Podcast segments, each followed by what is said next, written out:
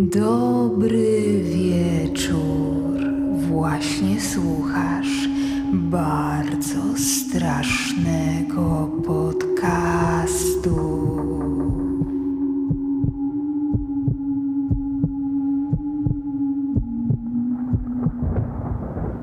W dzisiejszym odcinku wracamy po długiej przerwie do jednej z Waszych ulubionych serii, czyli paranormalnych, przedziwnych, zagadkowych i niepokojących historii słuchaczy bardzo strasznego podcastu. Spośród nadesłanych maili wybrałam kilka najbardziej smakowitych kąsków, które usłyszycie już za chwilę. Jeżeli chcecie, żeby to właśnie Wasza historia pojawiła się w kolejnym odcinku z udziałem opowiastek słuchaczy, wyślijcie ją na adres bardzo brzydki podcast małpa gmail.com. A tymczasem rozsiądźcie się wygodnie, zapnijcie pasy, bawcie się dobrze i bójcie się jeszcze lepiej. Ostrzeżenie. W tym odcinku pojawią się tematy związane ze śmiercią, samobójstwem i przemocą. Jeżeli czujesz, że to nie dla ciebie, opuść ten odcinek. Cześć Iga. Jestem ogromnie podekscytowana pisząc do ciebie tę wiadomość. Nosiłam się z tym zamiarem już bardzo długi czas. Mam nadzieję, że ci się spodoba, o ile tego typu historie mogą się podobać. Przedstawię ci kilka moich przeżyć, abyś mogła coś wybrać. Będzie długo i strasznie. Na samym początku chciałabym zaznaczyć, że posiadam pewne zdolności od mniej więcej dziesiątego roku życia. Ten dar przekazała mi mama mojej mamy. Ona też była widząca. Rodzina mojej mamy doskonale wiedziała o moich zdolnościach. Większość osób mogłaby określić mnie mianem medium, ponieważ widzę duchy. Działa to trochę w taki sposób, że one mnie widzą i czują, wiedzą, że ja wiem i przychodzą do mnie po pomoc. Jedną z pierwszych sytuacji z duchami miałam w domu mojej babci. To stara kamienica sprzed ponad 100 lat. Ten dom jest niezwykły i czuć, że jest aż przesiąknięty ludzkimi emocjami. Pewnego razu babcia poprosiła mnie, abym ściągnęła pranie ze strychu, co nie było niczym nadzwyczajnym. Często to robiłam i nie miałam z tym najmniejszego problemu. Weszłam po schodach, ale po przekroczeniu progu czułam coś na kształt przeszywającego smutku, rozpaczy, Atmosfera była fatalna. Zupełnie nie rozumiałam, skąd się wzięły we mnie takie emocje. Usłyszałam dziwny dźwięk skrzypnięcia i charakterystyczny ciężki oddech, taki, który przypomina odgłos chaotycznie łapanego powietrza. Odwróciłam się do źródła tego dźwięku i zobaczyłam mężczyznę wiszącego na belce strychu. Jego szeroko otwarte oczy były we mnie wlepione.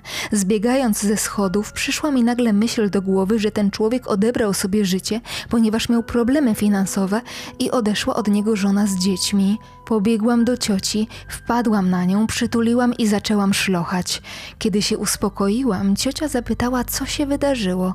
Powiedziałam jej wszystko, a ona tylko zszokowana patrzyła na mnie i zdołała jedynie wykrztusić, że pan Stefański, lokator, który tutaj mieszkał, odebrał sobie życie, bo jego firma zbankrutowała i w związku z tym odeszła od niego żona wraz z dwiema córkami. Kolejna historia wydarzyła się w mieszkaniu mojej kuzynki. Wprost nie znosiłam tam jeździć. Zawsze czułam się tam fatalnie, było mi słabo, duszno, kręciło mi się w głowie i ciągle miałam wrażenie, że ktoś mnie obserwuje. Tamten dzień spędzałam z moją kuzynką Iwoną i jej kilkumiesięczną córką Nastką. W pewnym momencie Iwona powiedziała, że musi iść do apteki po leki dla małej i że wróci za chwilę. Kiedy wyszła, ja bawiłam się z Nastką. W pewnym momencie mała zaczęła być senna i postanowiłam ją położyć do łóżeczka. Jakie było moje zdziwienie, kiedy zaglądając do dziecięcego mebelka, ujrzałam maleńkie niemowlę – Przerażona wzięłam Anastazję, uciekłam na podwórko i czekałam na kuzynkę. Iwona, widząc mnie w bramie, ruszyła szybkim krokiem i zapytała, co się stało, a ja opowiedziałam jej, co miało miejsce. W odpowiedzi usłyszałam, że tydzień temu jej sąsiadce zmarł synek w wyniku śmierci łóżeczkowej. Na wstępie kolejnej historii zacznę od tego, że wiem, iż to, co robiłam, było totalną głupotą i nie powinnam nigdy celowo ingerować w świat zmarłych. Można powiedzieć, że byłam młoda i głupia. W liceum byłam totalnie wkręcona w numerologię, astrologię, magię i rytuały. Czytałam obsesyjnie książki na ten temat i wciągnęłam w to moją koleżankę Agatę. Mieszkała w starej kamienicy, gdzie na przestrzeni lat działo się mnóstwo przykrych rzeczy. Agata miała teorię, że przez złe wibracje budynku ciągle ma koszmary i źle sypia. W tamtym miejscu przewinęło się mnóstwo ludzi, którzy z czasem tajemniczo znikali. Agata często dostawała na swój adres listy na mężczyznę imieniem Marek. Jej rodzice nie mieli pojęcia, kim był ów człowiek, więc listy systematycznie wyrzucali. Najbardziej mroczną częścią tego budynku był strych. Podłoga złowieszczo skrzypiała i niezależnie od pory roku było tam przeraźliwie zimno. Panował wszechobecny mrok i wyczuwało się czyjąś nieprzyjemną obecność. Wpadłyśmy na genialny pomysł, że właśnie w tym miejscu będziemy wywoływać duchy. Napisałyśmy na podłodze tabliczkę Ouija, litery alfabetu, cyfry tak i nie, witaj oraz żegnaj. Za wskazówkę robiła nam złożona kartka papieru, która kształtem przypominała strzałkę. Położyłyśmy dłonie na wskaźniku. Czy jest ktoś tutaj z nami? Zapytała mnie śmiało, przekonana, że nic się nie wydarzy. Strzałka poruszała się bezszelestnie, wskazując tak. Popatrzyłam na Agatę pytającym wzrokiem. Ona, widząc o co chodzi, gwałtownie pokręciła przecząco głową, że to nie ona poruszała strzałką. Jak masz na imię? Zapytałam drżącym głosem. Strzałka zaczęła wskazywać kolejne litery. K, M, P. Jesteś kobietą? Strzałka poruszała się błyskawicznie. Tak, Jesteś tu sama? z synami. Czułam strach, ale ciekawość zdecydowanie przeważała. Koniecznie chciałam wiedzieć, co będzie dalej. Czy czegoś potrzebujesz? Marka. Kto to? Nastała cisza. Skończyłyśmy seans i zaczęłyśmy myśleć, co się wydarzyło i co można zrobić. Ja nie pamiętam, jak to się stało, ale w pewnym momencie poznałyśmy historię mieszkania Agaty. Przed nią mieszkała tam rodzina, małżeństwo, dwoje małych synków i pies. Pewnego dnia pies rzucił się na swoją panią. Kobieta poniosła takie obrażenia, że zmarła w szpitalu. Pies jakimś cudem został pod opieką swojego właściciela. Pewnego razu mężczyzna przywiązał swoich synów smyczą do kaloryfera, zakneblował, wyszedł z psem i już nigdy nie wrócił. Chłopców znaleziono, gdy już nie żyli, tylko dlatego, że sąsiedzi zaczęli się orientować, że dawno rodziny nie widzieli, a z mieszkania zaczął wydobywać się smród. Morderca swoich dzieci miał na imię Marek.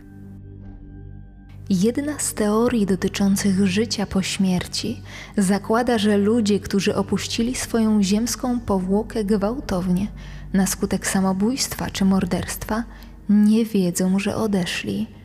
To właśnie te dusze, przywiązane do miejsca, przedmiotu, określonej czynności, potrafią przez wieki trwać w zawieszeniu między wiecznością a znanym nam trójwymiarowym światem. Być może rodzina nieszczęśników, która poniosła śmierć z ręki tajemniczego Marka, zamieszkała w murach domu Agaty i dalej szuka ojca i męża, by pomścić lub zrozumieć swoją śmierć. Czas przejść do kolejnego maila. Jak mawiałam niejednokrotnie i mawiać będę, historie opowiadane przez najstarszych członków rodziny mają w sobie coś, czego nie posiada żaden znany nam kinowy horror. Pewien niepokój, który zasiany przy rodzinnym stole kiełkuje w naszych głowach niespodziewanie późną nocą, nie pozwalając nam zmrużyć oka taka właśnie będzie kolejna historia. Zapraszam. Hej, słucham bardzo strasznego podcastu już od bardzo dawna. To mój ulubiony towarzysz spacerów po wiejskich leśnych drogach i myślę, że gdyby nie towarzystwo mojego psa, musiałabym odwracać się za siebie co kilkanaście sekund. Jednak dopiero niedawno zdarzyło się coś, o czym postanowiłam napisać. Wiem, że w bardzo strasznym podcaście szczególnie lubimy historie, które z jednej strony są nieco przerażające, a z drugiej wzruszające. Dlatego myślę, że wszystkim nam spodoba się historia mojej babci. Kilka lat temu moja matka chrzestna, ciocia od strony taty, zachorowała. Rozmaici lekarze bardzo długo nie potrafili postawić diagnozy, ale ostatecznie okazało się, że to złośliwy rak przełyku. Natychmiast wdrożono leczenie, przede wszystkim radioterapię. Ciocia straciła głos, nie mogła normalnie jeść. Jednym słowem, był to dla niej koszmar i bardzo trudny czas dla całej rodziny. Jednakże leczenie przyniosło skutki i po jakimś czasie moja chrzestna znów mogła normalnie funkcjonować. Radość nie trwała jednak długo, bo choroba wróciła i po ponad roku walki ciocia odeszła w wieku 44 lat. Mimo, że to była wiosna i wszystko budziło się do życia, my pogrążyliśmy się w żałobie. Trudno mi wspominać tamte chwile, a jeszcze trudniej jest mi sobie wyobrazić, co przeżywało rodzeństwo zmarłe i mój tata, w jakiej rozpaczy znalazł się niespotykanie kochający mąż, a przede wszystkim, co czuła babcia – jak wielka musiała być żałoba po stracie córki. W momencie, w którym to piszę, minęło już ponad pół roku od pogrzebu. Osobiście czuję się bardziej protestantką niż katoliczką, więc wierzę, że moja chrzestna, jako wspaniała, dobra osoba, została zbawiona od razu, bez przechodzenia przez żaden czyściec, ale babcia jest bardzo religijną katoliczką, jak przystało na starszą panią ze wsi na południu Polski. Wiem, że codziennie wiele modliła się za duszę cioci i właśnie tu dotykamy sedna tej historii – Podczas niedzielnej wizyty babcia opowiedziała mi, cóż, paranormalną historię. Moja babcia każdego wieczoru odmawiała swoje modlitwy, a później chodząc po domu, gasząc światło, zamykając drzwi i okna, ogólnie szykując się do snu, modliła się, jak to określiła, po swojemu. Tamtego wieczoru mówiła mniej więcej tak: Panie Boże, proszę przepuść Dorotkę przez bramę do nieba, jeśli jeszcze jej tam nie ma po tych słowach weszła do swojej sypialni i dokładnie tak, jak od lat ma w zwyczaju, przymknęła drzwi, ale tak jak zawsze, nie do końca, by zapadka nie zaskoczyła, po czym skierowała się do łóżka. Jednak w połowie drogi zatrzymał ją dźwięk otwierających się drzwi. Odwróciła się i faktycznie Drzwi otwarły się do połowy szerokości. Babcia przez kilka sekund patrzyła na to oniemiała, aż nagle drzwi zamknęły się z powrotem, tym razem tak, że zapadka zaskoczyła. Wszyscy odczytaliśmy to jako znak, że ciocia jest już w niebie i być może to ona dała nam znać, że już nie powinniśmy się martwić. Ostatnio babcia i mąż cioci domknęli też ostatnie sprawy notarialne, a także wedle woli zmarłej dali częściej pieniędzy mnie i drugiej chrześnicy, więc może to znak, że wreszcie odzyskała spokój. Oczywiście można mówić, że to był przeciąg, ale to był środek listopada. Żadne okno nie było otwarte, a babcia zamyka drzwi w ten sposób każdego dnia. Poza tym, otwarcie drzwi to jedno, ale to, że się tak zamknęły. Mam jeszcze drugą historię, tym razem sprzed jakichś 30 lat. Jej główną bohaterką jest kuzynka mamy, ciocia Mariolka. To imię zawsze kojarzy mi się z zabawną, nieco pokręconą osobą i właśnie taka jest ciocia. Zdarzenie miało miejsce latem, późnym wieczorem, kiedy było już ciemno. Młoda Mariolka wracała od koleżanki na rowerze. Droga wiodła między polami, nie stało tam wtedy wiele domów, a na dodatek było ciemno, ponieważ do dziś nie stoi tam ani jedna latarnia. I w tych okolicznościach nad łąką ukazała się Mariolce para zielonych, świecących oczu. Ciocia tak się wystraszyła, że zamiast jechać prosto do domu, skręciła do rodzinnego domu mojej mamy, który stoi właśnie przy tej drodze. Była w takiej panice, że starszy brat mojej mamy musiał ją odprowadzić pod same drzwi.